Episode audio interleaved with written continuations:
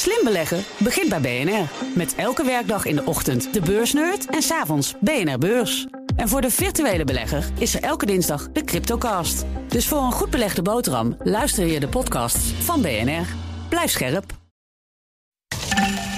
Een bonus geven aan alle werknemers die zich tegen corona laten inenten. Het mag wel, maar er zitten wel wat haken en ogen aan.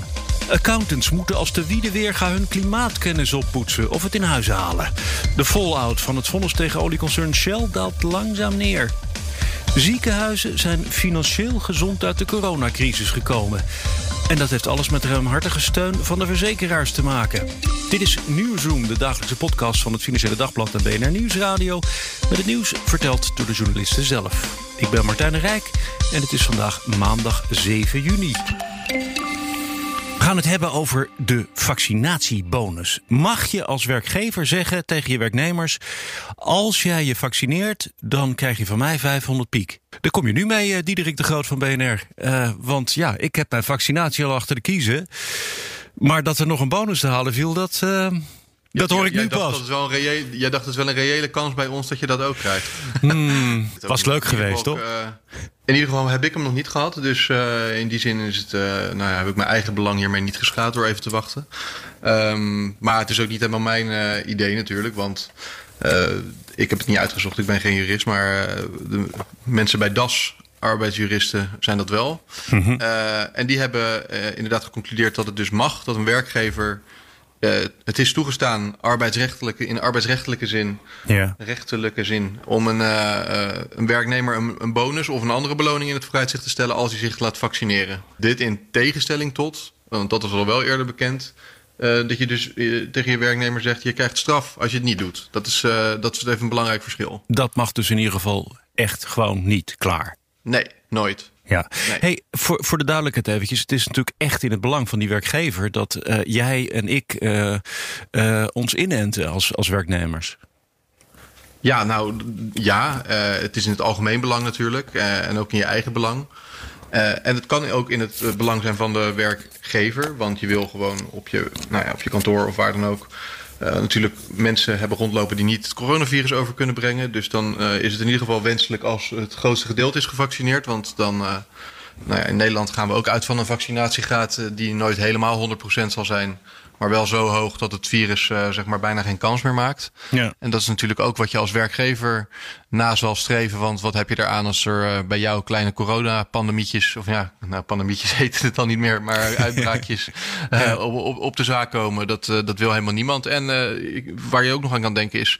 als jij werknemers hebt die wel naar het buitenland moesten reizen in het verleden... voor zaken... dan wordt dat de komende tijd natuurlijk ook nog lastig... als je dan nog niet gevaccineerd bent dan kan dat wel weer met een test. Nou ja, dan moet je weer betalen voor een test. En dus ook weer wat meer gedoe. Eh, overigens, eh, voor vakantie, eh, ik zeg nou wel betalen, maar nou, als het goed is, wordt dat dan binnenkort geregeld. Dat het niet meer hoeft. Maar je snapt wat ik bedoel. Het is voor iedereen makkelijker als er gewoon een stempeltje in je vaccinatieboekje staat. Ja. Alleen het wordt wel een beetje ingewikkeld, toch, voor een werkgever die het uiteindelijk besluit van, nou ja, ik eh, eh, eh, ga mijn werknemers verleiden om het dan toch te doen, door ze een beloning te geven. Het wordt, nou, het wordt administratief een beetje sneaky eigenlijk, om het maar zo te zeggen.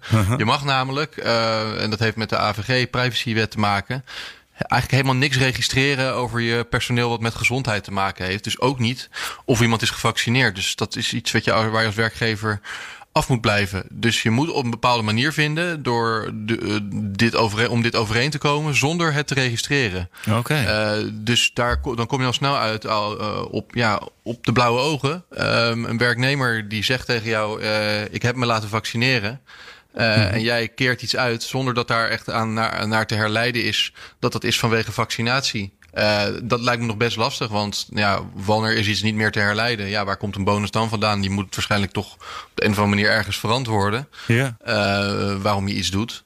Eh, moet je dan gaan liegen? Ja, Ja, ik zit me dan Eh, ook me eventjes eh, voor te stellen hoe dat op de, de, de, de, jaarafrekening, zou ik maar zeggen, de jaaropgave eruit gaat zien. Ik ook, want iedereen Ja. die daar werkt zal wel weten van waarom het dan is. Dus dan ben je misschien al wel weer bezig met die AVG overtreden. Of je moet het echt in een andere post verwerken. En die post die, is bij iedereen een bepaald bedrag sowieso. alleen bij degene die zich dan hebben laten vaccineren is die, nou noemen ze wat, 500 euro hoger. Weet je wel? Ja, zoiets. maar dat lijkt me een, een, taak voor werkgevers om als ze dit willen doen, om daar dan een, een, creatieve oplossing voor te verzinnen. Als je dan die creatieve oplossing hebt, moet je het dan alsnog willen? Ik bedoel, er zijn nog andere dingen die je kunt voorstellen. Uh, schuine ogen op de werkvloer, werk veel. Ja, dat, uh, dat risico bestaat ook. En het, uh, zoals wij altijd nou ja, doen als journalisten, vragen wij ook altijd natuurlijk daar de andere kant. Dus wat is hier eigenlijk tegen? En er zijn inderdaad best wel wat argumenten tegen. de belangrijkste die ik heb gehoord, als je het mij vraagt, is dat vaccinatie is natuurlijk niet per se voor iedereen ook geschikt. Hè? Er zijn ook gewoon wel mensen met bepaalde aandoeningen of in een bepaalde situatie waartegen kan worden gezegd van het is voor jou misschien maar beter om nog heel even te wachten met die vaccinatie of hem niet te nemen. Dat bestaat. Maar als jij dan uh, eh, 500 euro, uh, dat, is, dat is een voorbeeldje hoor, dat bedrag uh, in het vooruitzicht krijgt gesteld, kan je natuurlijk denken van nou ja, oké, okay, mijn, mijn huisarts heeft dan weliswaar gezegd van het is voor mij misschien beter om niet nog te vaccineren of wat dan ook. Maar ja, 500 euro kan het wel heel goed gebruiken. Uh, misschien toch maar doen. Uh, en dat argument dat, uh, dat bracht Sandra Bonestro van Arag, de concurrent van DAS, naar voren. Van ja, dan gaan mensen dus eigenlijk niet meer op medische redenen overwegen. Of om andere redenen die gewoon belangrijk zijn bij zo'n afweging. of ze een vaccinatie nemen, maar om financiële redenen. Ja. En dat is natuurlijk niet de juiste uh, afweging. Je moet kijken naar of het goed voor jezelf is in de eerste plaats. Ja, dan kun je je zelfs nog voorstellen dat het op een andere manier nog hele negatieve financiële gevolgen kan hebben. Als een, een werknemer uh, ja, een beetje tegen zijn eigen gezondheid in toch die, die prik heeft laten zetten. Ja, uh, uiteindelijk is het denk ik zo dat je als, als je als werkgever iedereen vrijlaat in deze keuze en je alleen maar zegt van je krijgt een beloning als, dan is het natuurlijk, eh, eh, lijkt mij op papier dan de keuze van de werknemer. Maar is dat moreel gezien ook zo? Want er zijn gewoon mensen die wel eens heel erg hard geld nodig hebben of andere dingen. Dus het is wel een beetje een, nou ja, het heeft altijd wel een beetje twee kanten. Het is een lastige. Dus is dan ook wel de vraag van moet je dit wel willen en kan je niet beter in gesprek gaan met elkaar en er dan uitkomen waarom iemand wel of niet uh, uh, een vaccinatie wil. En overigens hoeft een werk, is een werknemer sowieso al geen uh, verantwoording verschuldigd aan zijn werkgever hiervoor. Die mag helemaal niet eens vragen van waarom neem jij het niet of neem jij het überhaupt. Dus mm -hmm.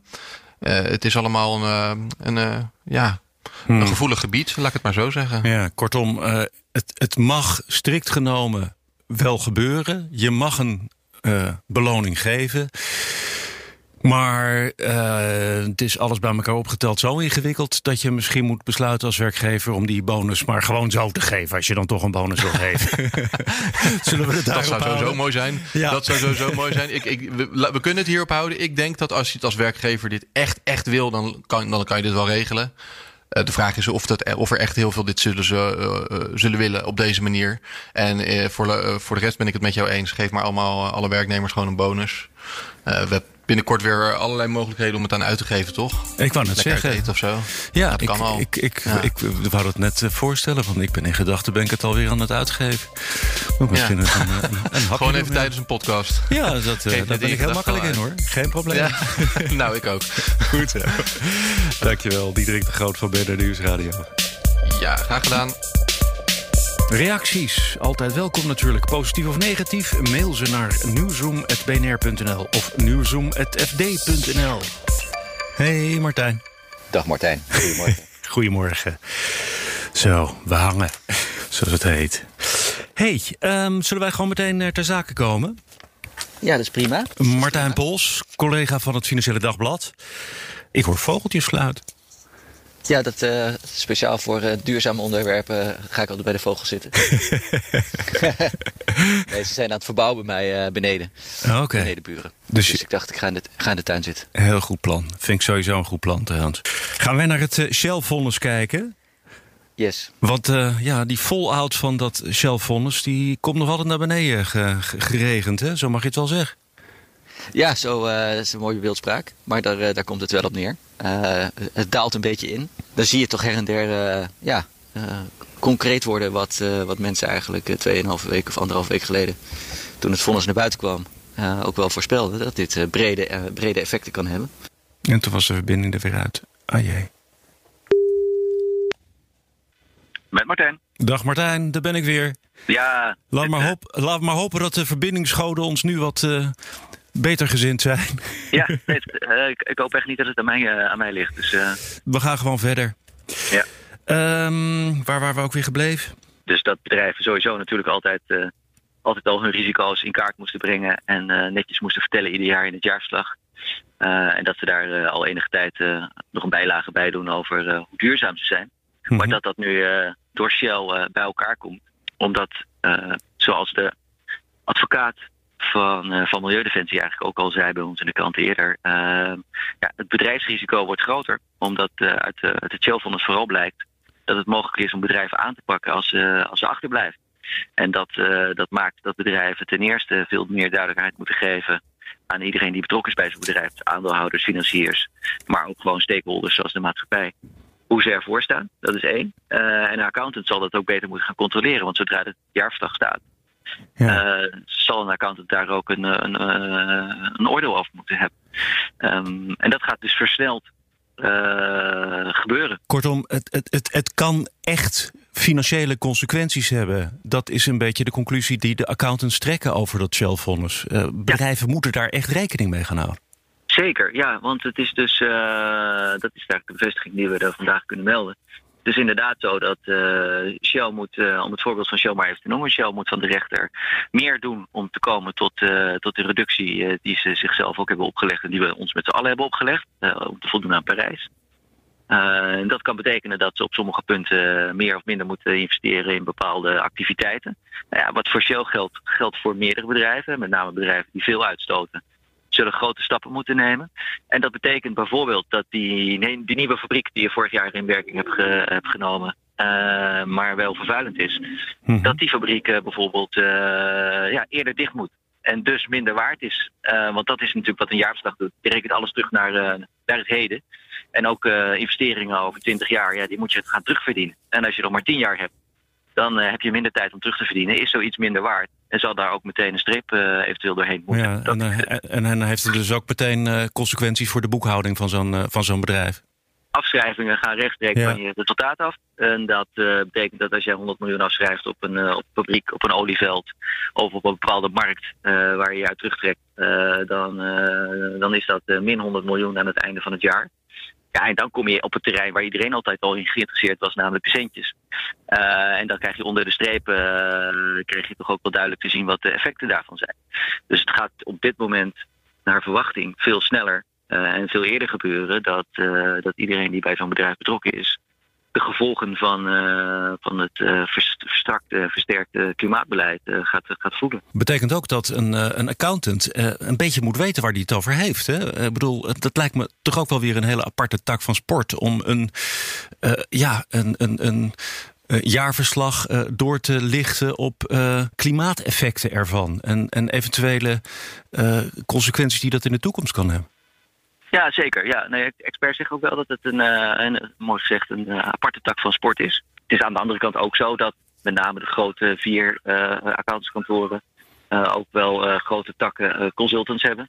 En in, in die consultancy en ook in de, in de expertise rondom financiële verslaggeving is dit klimaatbeleid en andere zaken al wel eerder op de kaart terechtgekomen. En zijn er dus wel degelijk al mensen die er verstand van hebben. Die zijn alleen nooit, uh, zijn nog niet uh, onderdeel van, van die echte accountantscontroleteams die aan het eind van het jaar door de boeken heen moeten. Dat gaat in de toekomst wel gebeuren, is de verwachting. En dat roept ook de vraag op of er, of er dan ook voldoende mensen voor zijn. Of dat daar mogelijk ook nog nieuwe mensen voor moeten worden gezocht. Ja, ondertussen hoor ik in de achtergrond, geloof ik, eenden of zo, kwaak. de, de vliegen hier... Uh, Kraanvogels? Een paar, een paar meeuwen over. Oh, meeuwen. En, en, verder gaat mijn kennis, moet ik eerlijk zeggen, over de biodiversiteit in mijn achtertuin niet. Ja, nou ja, een beetje, beetje wat de accountants op dit moment ook zullen moeten leren. Ja. Ja, vergelijkbaar, ja. ja. Hey, um, welke bedrijven, ja, je kunt het natuurlijk wel een beetje uitrekenen en je hebt er al wel iets over gezegd, maar op welke, uh, ja, ik kan me voorstellen dat alle uh, oliebedrijven in de wereld wel een beetje snappen, oké, okay, dit gaat ook voor ons op, maar dat gaat nog veel verder hè, dan dat. Ja, ik denk dat ehm, eh, wij vandaag ook in de krant uh, een, een, rijtje sectoren noemen. dus dat is mijn- en staalindustrie, chemische industrie en met name ook productiebedrijven. Zijn bij uitstek bedrijven natuurlijk die, ineens dat, die al veel uitstoten. Ehm, want daar is het effect het grootst. ze zullen het hardst moeten werken om, om die uitstoot terug te dringen. En zullen dus ook de meest pijnlijke, financieel pijnlijke besluiten moeten nemen, is, is, dan, is dan de verwachting. Dus dan kom je in Nederland al gauw op bedrijven als Tata Steel wordt vaak genoemd. Grote energieverbruiker natuurlijk voor, voor, het maken van staal. Maar ook in de kunstmest, begrijp ik, zijn er grote bedrijven die, die ook veel energie verbruiken. Veel uitstoten daardoor. Ehm, dus dat zijn sectoren die nu al genoemd worden omdat die het, nou ja, het de grootste opdracht hebben. Ja. Maar uiteindelijk geldt voor alle bedrijven dat ze aan Parijs moeten voldoen. Uh, en dat geldt voor een, uh, nou ja, laten we het zeggen, een wat meer witte boordenbedrijf. Net zo goed dat zij uh, hun wagenpark, hun reisgedrag, hun kantoren uiteindelijk ook naar nul moeten brengen. En dat is natuurlijk iets ja. waar, je, waar je iets langer de tijd voor hebt. Maar goed, de, de focus ligt niet voor niks op inderdaad de Shell-achtigen en de oliebedrijven. Uh, daar zie je ook gewoon veel uitstoot. Dankjewel, Martijn Pols. En ook uh, dank aan uh, de meeuwen die bij jou in de achtertuin hebben laten horen dat het heel belangrijk is dat het allemaal een beetje groen blijft op deze wereld, toch? Ik ga het doorgeven, je hebt helemaal gelijk. Dankjewel, heel fijn. Dankjewel, Martijn. Goed zo. Hoi. Hoi. Uh, Maarten van Pol van het uh, Financiële Dagblad. ziekenhuizen deden het in het coronajaar opvallend goed. En dan gaat het over de financiën, geloof ik. Niet alleen over uh, ja, de klopt. zorg die ze verleend hebben. Ja, dat hebben ze natuurlijk ook heel goed gedaan. Uh, maar uh, uit, een, uit, de eerste jaarverslagen van ziekenhuizen blijkt dat ze er financieel eigenlijk ook behoorlijk goed uit zijn gekomen. En dat is wel verrassend, want begin vorig jaar toen waren er toch wel zorgen over de financiële situatie van ziekenhuizen. vooral omdat er, nou, zoals bekend, heel erg veel behandelingen zijn uitgesteld. Mm -hmm. Ja, in principe wordt een ziekenhuis daar dus dan niet voor betaald. En de vraag was uh, ja, of ze dat konden hebben. Ja, en dus toen hebben de ziekenhuizen ook echt meteen al uh, nou ja, uh, aan de rem getrokken. geroepen van, hé hey jongens, hou hier rekening mee. En dat is ook gebeurd, hè, dat rekening houden met. Ja, ze hebben een deal gesloten met de zorgverzekeraars. Uh, wat die eigenlijk gedaan hebben is een soort omzetgarantie afgegeven. Uh, dus die hebben op basis van de omzetten van 2019 een uh, zogeheten aanneemsom vastgesteld. En dat betekent eigenlijk dat ze dus, ongeacht of ze die behandelingen nou zouden doen of niet, ehm, dat, ze een, dat ze een vast bedrag zouden krijgen. Ehm, en bovendien voor extra COVID-zorg zat, er zat er ook nog een vergoeding bij. En er zat ook nog een soort achtervang bij. Als dat allemaal niet genoeg zou zijn, dan konden de ziekenhuizen ook nog beroep doen op de hardheidsclausule. En dat betekent dat ze dan dus alsnog gingen praten mm-hmm. om die laatste gaten te dichten. En dat geeft, geeft dan gemiddeld een winstmarge van 1,4 procent. Wat nou ook weer niet echt enorm is. Hè? Dat zijn geen Apple-getallen, zou ik maar zeggen. nee, maar. En dat is ook uh, niet de bedoeling. nee, dat is zeker niet de bedoeling. Hè. Het is, dat is ook om een. Uh, om, uh, het is wel een opmerkelijk getal. Aan de ene kant niet, want het is precies evenveel als 2019. Mm-hmm. Um, en dat is dus ook alweer juist. dat was eigenlijk precies de bedoeling. Dus ze zijn heel precies uitgekomen op waar ze op mikten. Namelijk dat er geen. geen nou, dat die marges niet slechter zouden zijn dan een jaar eerder. Ja, dat, en, in de, en, ja. en die, die marge van rond de anderhalf procent, dat is dus gangbaar in de ziekenhuiswereld. Er zijn wel verschillen, uh, maar dit is wel een beetje het gemiddelde altijd. Ja, en er is ook bij het maken van die afspraak gezegd van... Hey, mocht het nou veel hoger uitvallen, dan kunnen we daar nog op terugkomen, toch? Dus mocht die, de, de, de winst veel te hoog uitvallen door al die garanties. Precies. De, de hardheidsclausule die, valt, die werkt ook de andere kant op. Dus uh, het ziekenhuis kon zeggen: uh, jongens, het is te weinig. Uh, we moeten toch nog een keer gaan praten. Dat gebeurt ook. Ehm, maar het kan ook de andere kant op, namelijk dat de zorgverzekeraars concluderen ehm, dat er te veel gecompenseerd is. Dat is ook weer niet de bedoeling natuurlijk. Ehm, het gaat dan om premiegeld dat naar die ziekenhuizen gaat. Je zou ergens kunnen zeggen: het blijft wel in de zorg allemaal. Dus dat zou dan bijvoorbeeld in de buffers van het ziekenhuis verdwijnen of in spaarpotjes. Maar ja, dat is natuurlijk niet echt de bedoeling ehm, van zo'n regeling. Dus hebben ze ook afgesproken dat als nou blijkt dat uh, sommige ziekenhuizen uh, onevenredig gecompenseerd zijn, of het gewoon niet echt nodig hadden, dat er dan misschien ook weer wat geld teruggaat. Ehm, nou heeft bijvoorbeeld het ziekenhuis met de hoogste marge tot nu toe, want van iets minder dan de helft van de ziekenhuizen is er tot nu toe een jaarrekening. Of was er ten tijde van de analyse in ieder geval. Ehm, ziekenhuisgroep Twente, nou, die hebben altijd een uh, vrij, of de laatste jaren sowieso een vrij behoorlijke marge.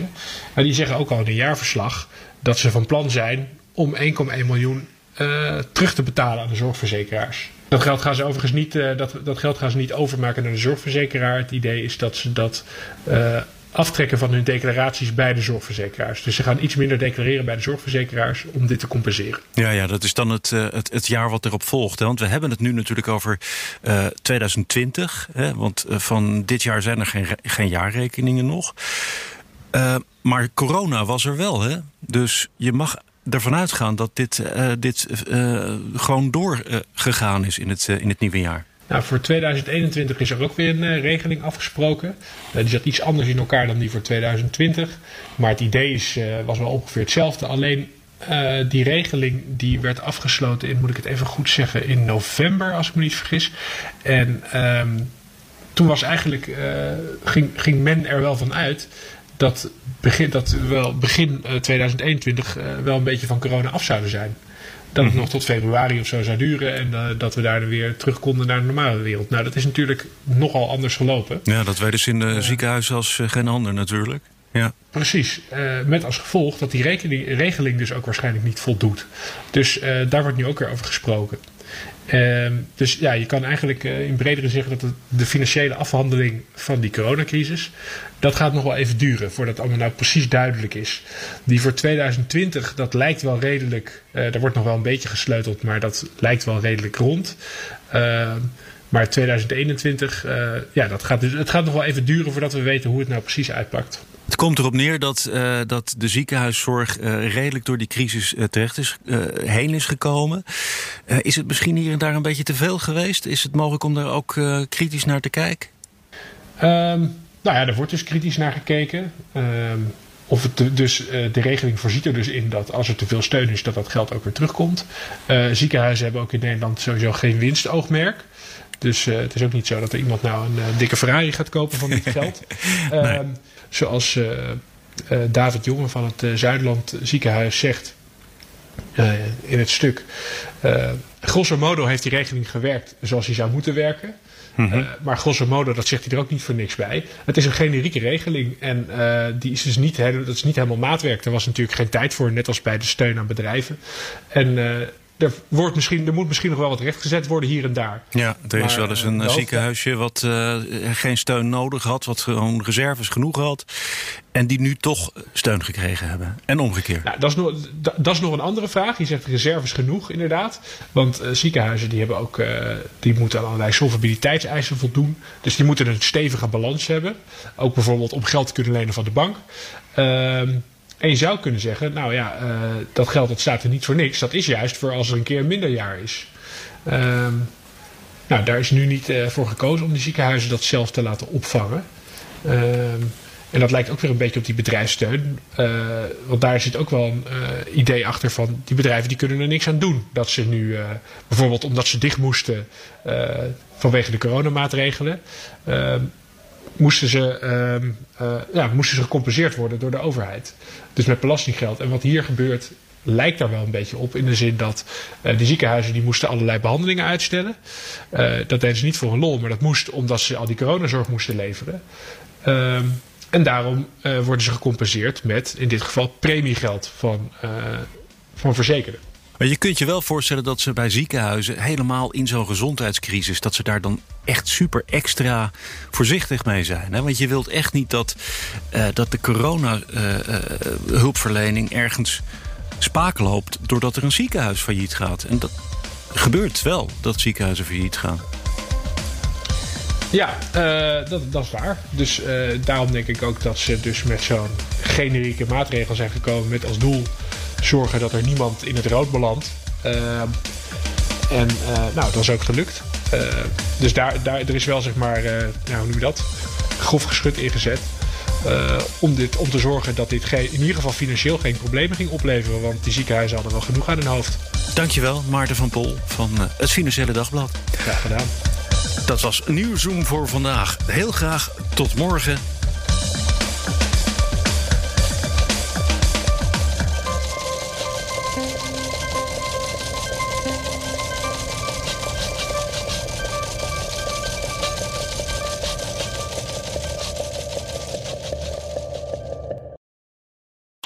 Ook Hugo Reitsma vind je in de BNR-app. Superhandig die BNR-app. Je kunt alle programma's live luisteren, breaking nieuwsmeldingen. Je blijft op de hoogte van het laatste zakelijke nieuws. En je vindt er alle BNR-podcasts, waaronder natuurlijk de belangrijkste, Boeken zijn in de wijk. Download nu de gratis BNR-app en blijf scherp.